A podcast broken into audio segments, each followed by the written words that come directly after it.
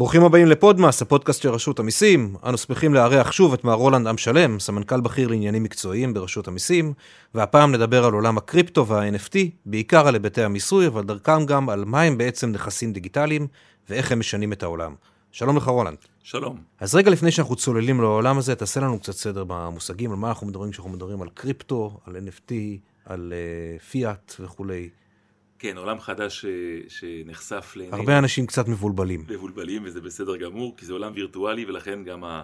ה... כל ההגדרות הן וירטואליות. יש לנו, אה, בשנים האחרונות התפתח לנו עולם וירטואלי, עולם פיננסי וירטואלי, פיננסי במרכאות, שבשונה מהמטבעות הרגילים שהכרנו עד עכשיו, השקל, הדולר, היורו וכולי, אה, העולם הווירטואלי הזה פיתח אה, אה, אסימונים, או בשפת המשתמשים, מטבעות וירטואליים, שבאמצעותם אפשר לרכוש, אפשר למכור, אפשר לבצע עסקה, לתת שירות וכולי.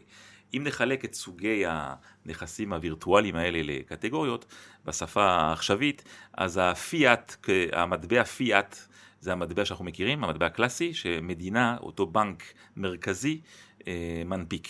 זה בישראל. שקל, דולר, נכון. כל מה שהוא לא מטבע אלקטרוני, הוא מה שנקרא פיאט. פיאט. נקרא לו פיאט. פיאט, המטבע הקלאסי.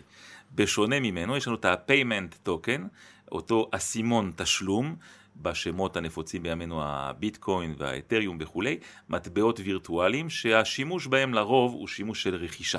אם אני רוצה לרכוש נכס בעולם הווירטואלי ולא לעבור דרך אה, בנק קלאסי ושקלים או דולרים מטבע זר, אה, אז אני רוכש את אותו מטבע וירטואלי שהערך שלו עולה ויורד בהתאם לשוק. אנחנו ערים לירידות ועליות בשנים האחרונות, לפעמים מעין לונה פארק. והוא גם ש... לא נתון, בניגוד לפיאט, הוא לא נתון להשפעה של בנק מרכזי של נכון, המדינה. בנק מרכזי לא מפקח עליו, לא, לא מנהל אותו, לא מנפיק אותו, ובאמצעות אותו מטבע, היות ויש מישהו מהצד השני שמוכן למכור את הסחורה תמורת אותו מטבע או להפך, אז הוא הופך להיות מטבע עובר לסוחר, מטבע במחאות עובר לסוחר. זה אותו אסימון אה, לרכישה, ביטקוין הוא המפורסם שביניהם. לאחר מכן התפתחו עוד סוגי אסימונים, מטבעות שיושבים על הפלטפורמה של הביטקוין, והנפוצים ביניהם מה שנקרא utility token, אסימון אה, לשירות, כלומר בעולם ההייטק, אה, כדי להמחיש בדוגמה פשוטה, חברה שרוצה לגייס כסף, אז לרוב רוב הסטארט-אפים עד היום, עד לפני כמה שנים גייסו כסף פיאט, פיאט כן. שקלים דולרים, ועם הכסף הזה התחילו לפתח את הרעיון, באמצעות uh, הכסף הזה משמש לתשלום במשכורת וכולי, אז סוג נוסף לגיוס הון על ידי אותם uh, uh, תאגידים, זה לגייס כסף פיאט, אבל במקום להעניק, להנפיק מניה לאותו, לאותו יזם באותו סטארט-אפ, לתת לו אסימון, utility token, אותו אסימון וירטואלי. שהוא אסימון ייחודי לאותה חברה. ייחודי לאותה חברה, שבמידה והמוצר האינטרנטי, הטכנולוגי שהחברה מפתחת יצליח, אותו יזם יוכל לעשות שימוש באותה פלטפורמה. אז כך, ש, כך שמדובר באסימון שמה שיושב מאחוריו... כלומר, אסימון שאפשר להמיר אותו בשירותים מאותה פלטפורמה. תן לי דוגמה לחברה שעושה דבר כזה. אז זה... הרבה סטארט-אפים בשנים האחרונות אה, אה, יעשו שימוש בכלי הזה, שאותו יזם אה, רוצה להיות גם חלק בתאגיד, חלק בהצלחה של התאגיד אם יש אקזיט, אבל הוא האקזיט לא יבוא לידי ביטוי בזה שהוא ימכור את המניות ויקבל כסף באקזיט קלאסי, אלא יבוא לידי ביטוי בזה שהוא ייקח את, ה, את הפלטפורמה שפיתחה אותה חברה, אותה תוכנה, אותה אלגוריתם. כלומר ה utility token שווה, אה, לא יודע, אה, חמישה חודשים של מנוי למוצר שאותו נכון, נכון. מייצרת החברה. בהתאם לגובה ההשקעה של, של היזם, השימוש יהיה יותר אה, גדול. אז זה... אה, אה, ו- ו-NFT? אז אגב, ה-utility token, אה, אה, הנפקת אותם אסימונים נקראת הנפקת ICO, אה, וזה הכלי שהסטארט-אפים עשו בו שימוש בשנים האחרונות. לגבי NFT, NFT זה שוב, זה פיתוח של הדבר הזה, זה זכות, אם נגיד את זה במילים פשוטות, זכות וירטואלית שמוקנית לאותו מחזיק. כלומר, היום בעולם הנכסים המוחשיים, אם ניקח את הדוגמה של הנדל"ן, של מי הדירה הספציפית בבניין הספציפי, אתה נדרש ללכת לספר חיצוני, שנקרא במקרה הזה הטאבו, ולראות כן. מי רשום שם. יש תמיד מישהו צד ג' שמנהל רישום כן. של למי שייך הנכס, ואם זה למשל אה, בנק אה, פרטי בישראל, אם אני מחזיק כסף בבנק, אז הוא מנהל את הרישום, ואם אתה רוצה לדעת כמה אני מחזיק, אתה הולך לאותו בעל רישום. ה-NFT זה עולם של החזקת נכסים וירטואליים, מבלי להידרש לצד ג' שינהל את הרישום, אלא כולם יודעים ברשת, באמצעות הטכנולוגיה, כולם יודעים מי אותו בעל הנכס הווירטואלי. ומה הם הנכסים האלה אבל? אז מה שהתפתח בשנים האחרונות זה אה, למשל חפצי אומנות וירטואליים, ראינו, אני חושב שאין מישהו לא ראה את הקוף, כן. שהוא, לא יודע אם הוא קשור לאבעבועות הקוף, שהתפתחה לאחר מכן, אבל אותו קוף וירטואלי שיש בו ערך אומנותי מסוים, בהתאם לביקוש ובהתאם לטעמים של, ה, של האספנים, כן. שבשונה מתמונה פיזית שנדרשת אה, אה, להעביר אותה פיזית ממקום למקום כדי להיות הבעלים של אותה תמונה, כאן או אפשר למכור את הנכס הזה הווירטואלי, אותו NFT, יש לו שוק שעולה ויורד בהתאם לביקוש ולהיצע, ואותם בעלים של אותה תמונה של הקוף רשום ברשת כבעלים ה... היחידי של הנכס, ורק הוא יכול לטעון כלפי כולי עלמא שהוא הבעלים. אוקיי. Okay. בואו בוא נתקדם לעניין המיסוי, ופה נשים רגע בצד קצת את NFT, עוד נחזור אליו בהמשך, ונחזור רגע ל-payment token, לביטקוין ומטבעות... אה, חיה קצת מוזרה מבחינת מיסוי, לא? כן. אנחנו יודעים למסות כסף מצוין, אנחנו יודעים למסות מוצרים מצוין, אנחנו יודעים למסות מניות, אנחנו יודעים למסות בניינים, אבל מה זה ביטקוין? זה כסף? זה מניה? זה מוצר? מה זה בכלל? מבחינת רשות המיסים ישראל, וככה גם בית המשפט uh, קיבל את העמדה, uh, כל עוד הבנק המרכזי לא מגדיר את הדבר כמטבע, זה לא מטבע.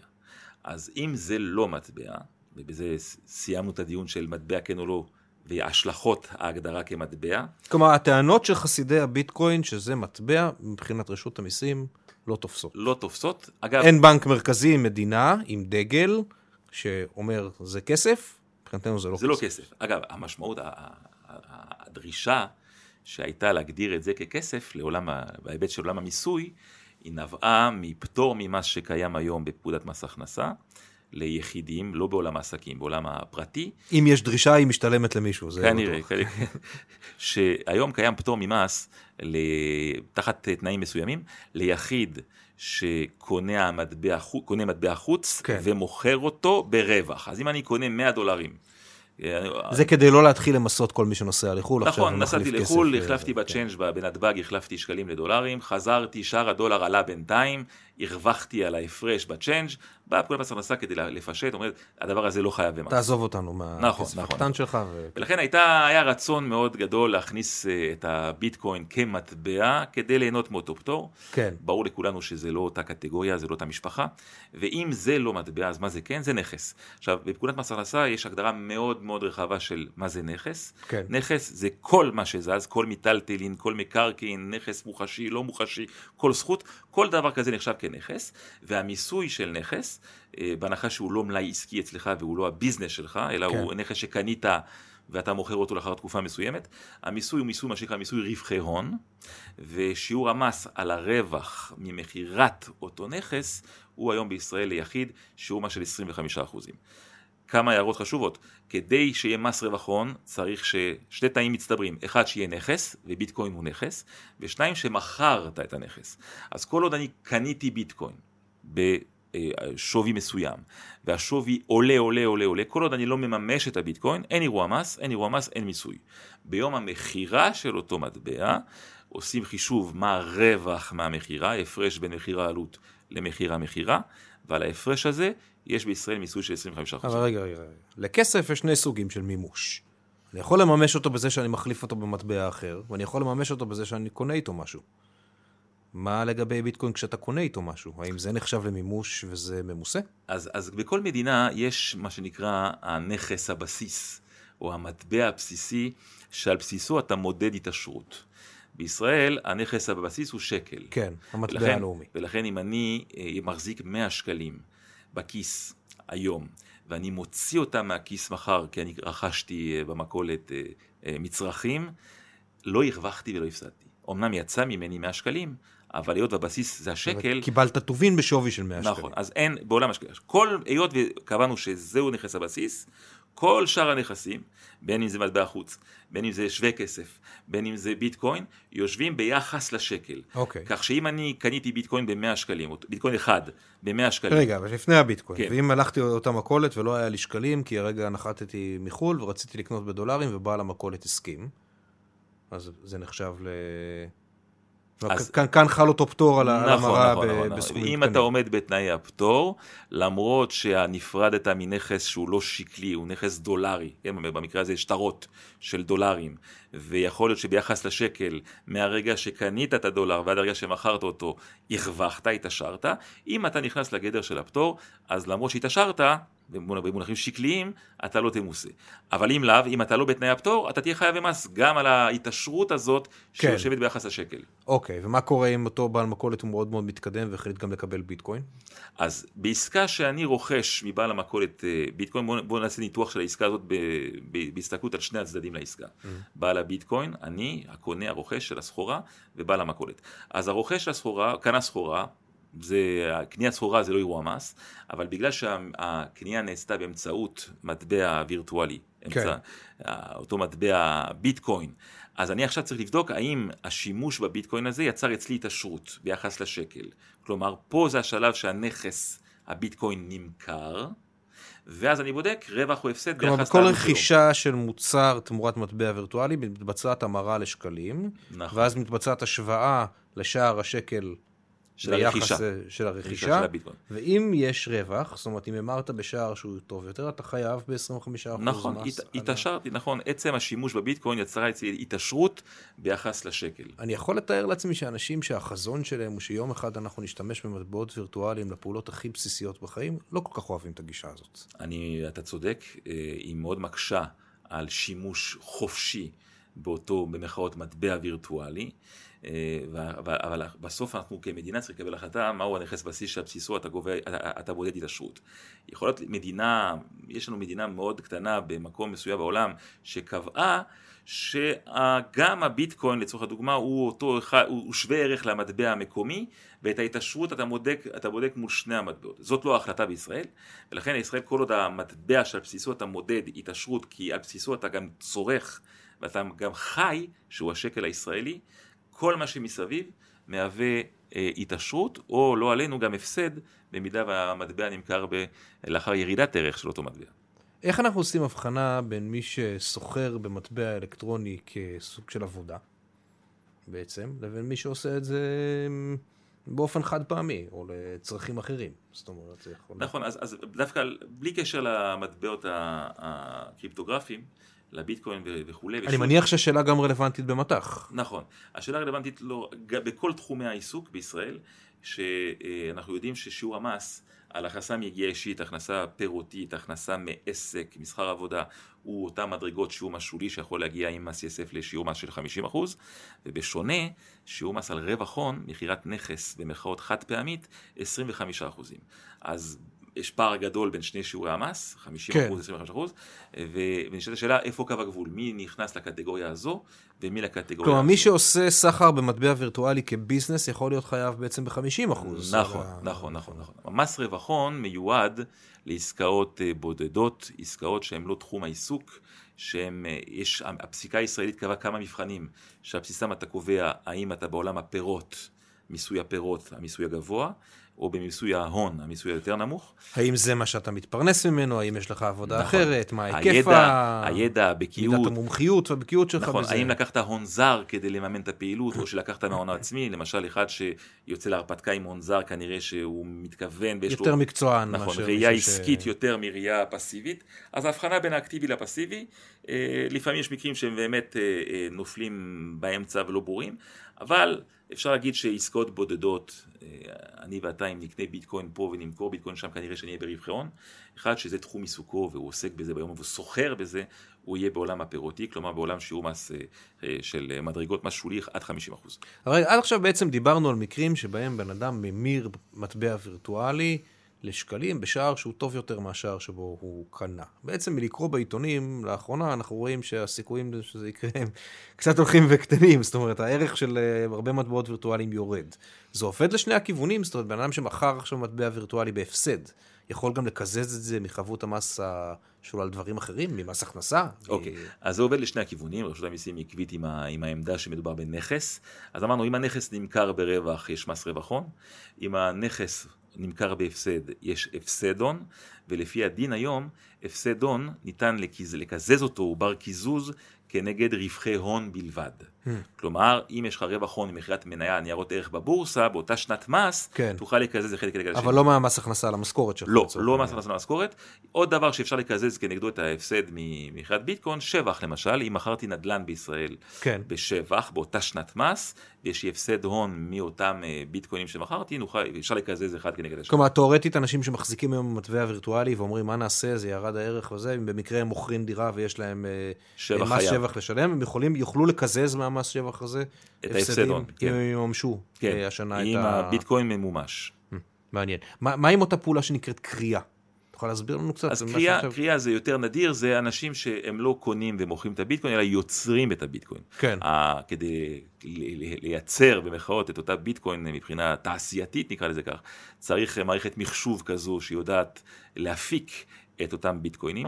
אה, בדרך כלל המערכות האלה דורשות אה, אה, צריכת חשמל מאוד גבוהה, כן. כך שבישראל אין הרבה קוראים, עלות החשמל בישראל היא לא כזו שמאפשרת אה, להרוויח מקריאה של ביטקוין, באישור של עסקאות באינטרנט וכולי.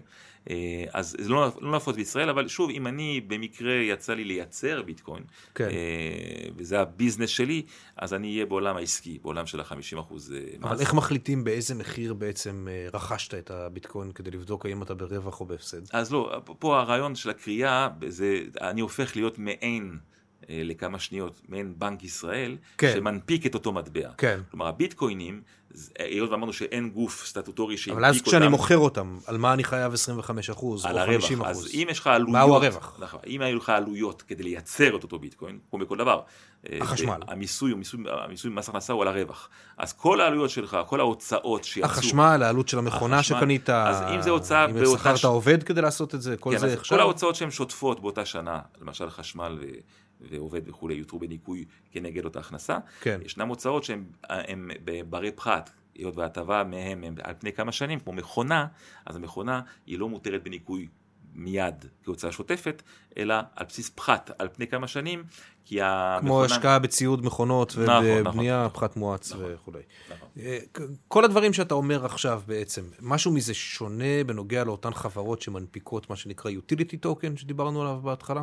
אז תראה, לגבי הסטארט-אפים שדיברנו בהתחלה שעושות שימוש ב-ICO, לגייס כסף תמורת אה, אה, הסימונים, נשאלו כמה שאלות, אגב ב-2018 רשות המיסים ישראל פרסמה חוזר אה, בהיבט הזה, חוזר ראשון אני חושב בעולם, שלאחר מכן הוא הועתק בכמה מדינות, שבחוזר קבענו כדי גם לתת את התשובה לשאלה המרכזית, אותה חברה שגייסה את הכסף הזה תמורת שירות עתידי, האם מדובר אצלה בהכנסה כן או לא, הכסף שגויס, ונתנו, ההנחיה היא... מכיוון ש- שהשירות הוא עתידי. נכון. כלומר, האם לחשב את ההכנסה עכשיו כשהיא הנפיקה, או בעתיד כשימומש נכון, השירות? האם להכ- הכנסה עכשיו כי יש מפגש עם המזומן, הכסף כן. הגיע, או נראה את זה כהתחייבות, כהכנסה מראש, שתוכר כהכנסה רק לאחר, לאחר תקופה מסוימת מתן השירות, אז החוזר המקצועי קבע במפורש שאנחנו דוחים את ההכרה בהכנסה, מאפשרים לחברה לעשות שימוש בכסף אה, כדי לפתח את הפלטפורמה, אה, אה, וההכנסה מראש, ההתחייבות הזאת, תהפוך להיות הכנסה לצורכי מס בקרות מתן שירות, למשל, שזאת הייתה המטרה שלה, לשמה גויס הכסף, אה, או מקרה לא עלינו, אה, שהחברה קורסת ואז השירות לא יינתן אף פעם, אז זה המועד של הכרה בהכנסה. אז ברמת החברה המנפיקה, החוזר המקצועי עושה סדר מתי להכיר בהכנסה. ברמת המשקיע, אותו כן. משקיע ששם כסף, בדרך כלל פיאט, או ביטקוין, וקיבל תמורת אה, אותה השקעה, או קיבל את ה-UTT טוקן, אז לגביו מדובר בנכס, רכישת נכס לכל דבר ועניין, כן. אלא אם הנכס הזה הוא מתחיל לקבל שירות, ואז הופך להיות הוצאה בעסק שלו. יכול להיות שהעסק שלו משתמש בפלטפורמה שבה הוא השקיע כדי להניב הכנסות. ואז הוא צריך, ואז הוא צריך לשלם מס, כי הוא כאילו מימש בעצם את ה-utility token. הוא לא, הוא מבחינתו, אה, אה, עוד פעם, היות והוא שם כסף והוא מקבל את השירות, כן. במועד קבלת השירות הוא יכול להפוך את הנכס שהוא שילם עבורו, אה, לשירות. שהוא מקבל, ואז זה הוצאה. כהוצאה שלו מוכרת. בעצם. זה לגבי המשקיע. מה, מה עם משכורת? יש חברות שמשתמשות ב-utility tokens האלה, או בכלל במטבעות וירטואליים כדי לשלם משכורת לעובדים? סעיף 2.2 לפקודת הכנסה קובע שכל הטבה שמקבל עובד מהמעסיק, כל הטבה חייבת במס, בין אם זה בכסף, בין אם זה בשווה כסף. בין אם זה רכב צמוד? נכון, רכב צמוד, זו הדוגמה הכי נפוצה, של שווה כסף שנותן מעביד, מעסיק לעובד שלו, חייב במס, כי זו הטבה שנתן מעסיק לעובד, תמורת עבודתו. לגבי ביטקוין שהמעסיק מחליט לשלם לעובד שלו, אם זה ביטקוין, אם זה מטבע וירטואלי אחר, כל העולם הזה חייב במס. יכול, יכול להיות סיטואציה, בחוזר המקצועי, אפרופו ICO, של מטבעות, נניח שהעובד הזה קיבל, אה, אה, מעבר למשכורת שלו, קיבל גם...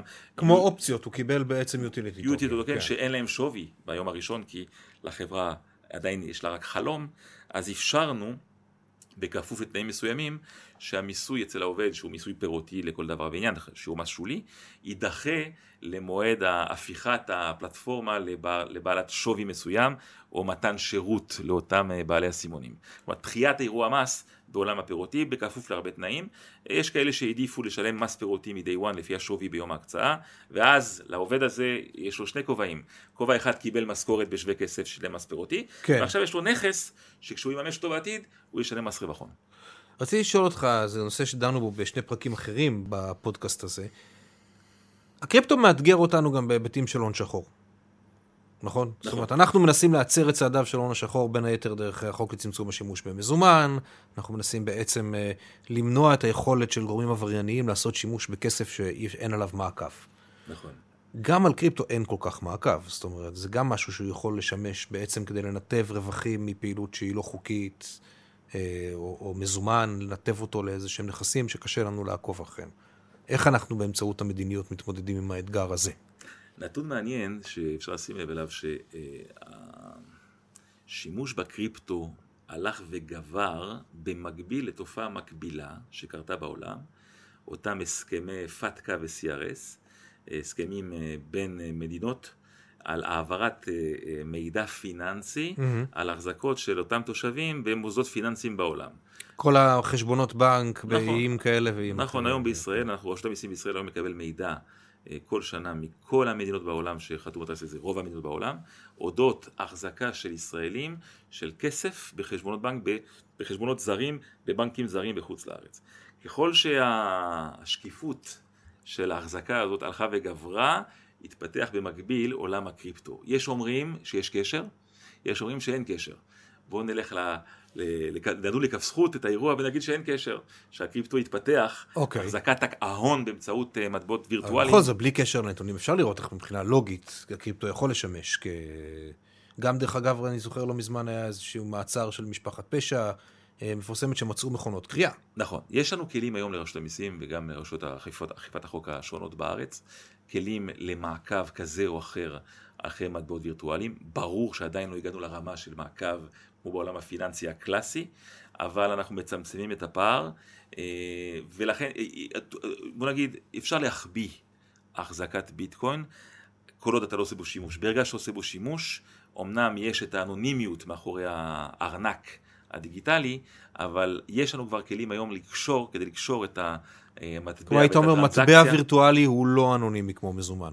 נכון, נכון. לפחות לא כשקונים איתו. נכון. הוא הרבה, הוא משאיר עקבות, והרי בעל הארנק הדיגיטלי רוצה בסוף אה, שכולם ידעו שהוא שלו, כן? מבחינה, מבחינה פיזיקלית. בשונה ממזומן, שאם השטר נופל ברחוב, אז כל מי שמוצא אותו ראשון כנראה אה, ישתמש בו. כן. אז ב, בשונה, אז לקריפטו ביחס למזומן או ביחס לעולם הפיננסי הקלאסי, יש בו יתרונות ויש בו חסרונות ביחס למעקב אחריו. אפשר להגיד שבאמת רשויות המס היום אה, בעולם וישראל אה, אה, בחוד החנית, אה, בפיתוח של כלים כדי לעקוב, ויש לנו כבר כמה הצלחות, כפי שתיארת, אה, על אה, תפיסות של אה, הון שחור באמצעות קריפטו. אני שם לב בשיחה איתך שהרבה מהדברים שלפחות החסידים של המטבעות הווירטואליים אה, מציינים, למשל שהם יום אחד יחליפו את המטבעות שמפוקחים על ידי הבנקים, שיש בהם אנונימיות, ששלטון לא יכול, שאתה לפחות מרגיש שזה לא באמת הולך לשם. זאת אומרת, זה לא מקיים את ההבטחה שהחסידים של המטבעות, איך בכל זאת אתה רואה את העתיד של התחום הזה? בכל דבר יש טוב ויש אה, פחות טוב. אה, מדובר ב... אם נסתכל, נשווה את זה לאינטרנט, התחיל לפני 20-30 שנה האינטרנט, אנשים הרבה היו סקפטיים על... על כן. ה... היום אין דיון שהאינטרנט הוא, חי, הוא חי וקיים, אבל גם באינטרנט יש דברים טובים, דברים פחות טובים. אז גם פה עולם המטבעות הווירטואליים, אני מאמין שהוא כאן כדי להישאר איתנו לנצח, עם פיתוחים כאלה ואחרים, יש בו הרבה יתרונות. אה, כמו מה? אז למשל, אתה יכול לחסוך בעולם הווירטואלי הזה, הבלוקצ'יין, אתה חוסך את המתווך באמצע, אותו מאמת עסקאות שבדרך כלל הוא לא עובד חינם, הוא רוצה לגבות את העמלה על עצם אה, חברות אישור, סליקה נכון, וכולי, עצם כן. האישור בין, אה, בטרנזקציה בין שני גורמים, אה, העולם העתידי הוא לחסוך את המתווך הזה, להקטין עלויות, אבל שוב, בגלל שאנחנו בחיתולים של הדבר הזה, יש בו הרבה... כלומר, אתה רואה את העתיד של מטבע וירטואלי כעוד איזשהו ערוץ תשלום לצד אשראי, צ'ק, מזומן, שהיתרון שלו זה שאין לו את העלויות של הסליקה של אשראי? נכון, אבל אני חושב שבסוף הגרסה המתקדמת שלו יהיה פחות בעולם של שימוש כמטבע, ויותר בעולם של אימות עסקה, אימות בעלות של. נכסים, מבלי להידרש על ידי אותו מתווך, אלא כולם רואים וכולם יודעים, כולם מאמתים יחד את הבעלות של הנכס הספציפי. ואחר כך התשלום מתבצע כבר באמצעי שהוא לא... יכול להיות, אה, נכון, זה. נכון. רולנד, תודה רבה לך, השיחה מרתקת. תודה.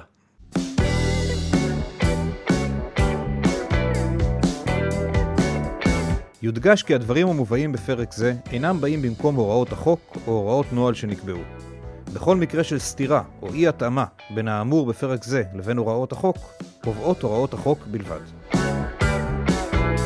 עד כאן פודמאס להפעם. אתם מוזמנים להיכנס לדף הפייסבוק שלנו, שם תמצאו קישורים לדפים מעניינים מאתר רשות המיסים שהוזכרו במהלך הפרק.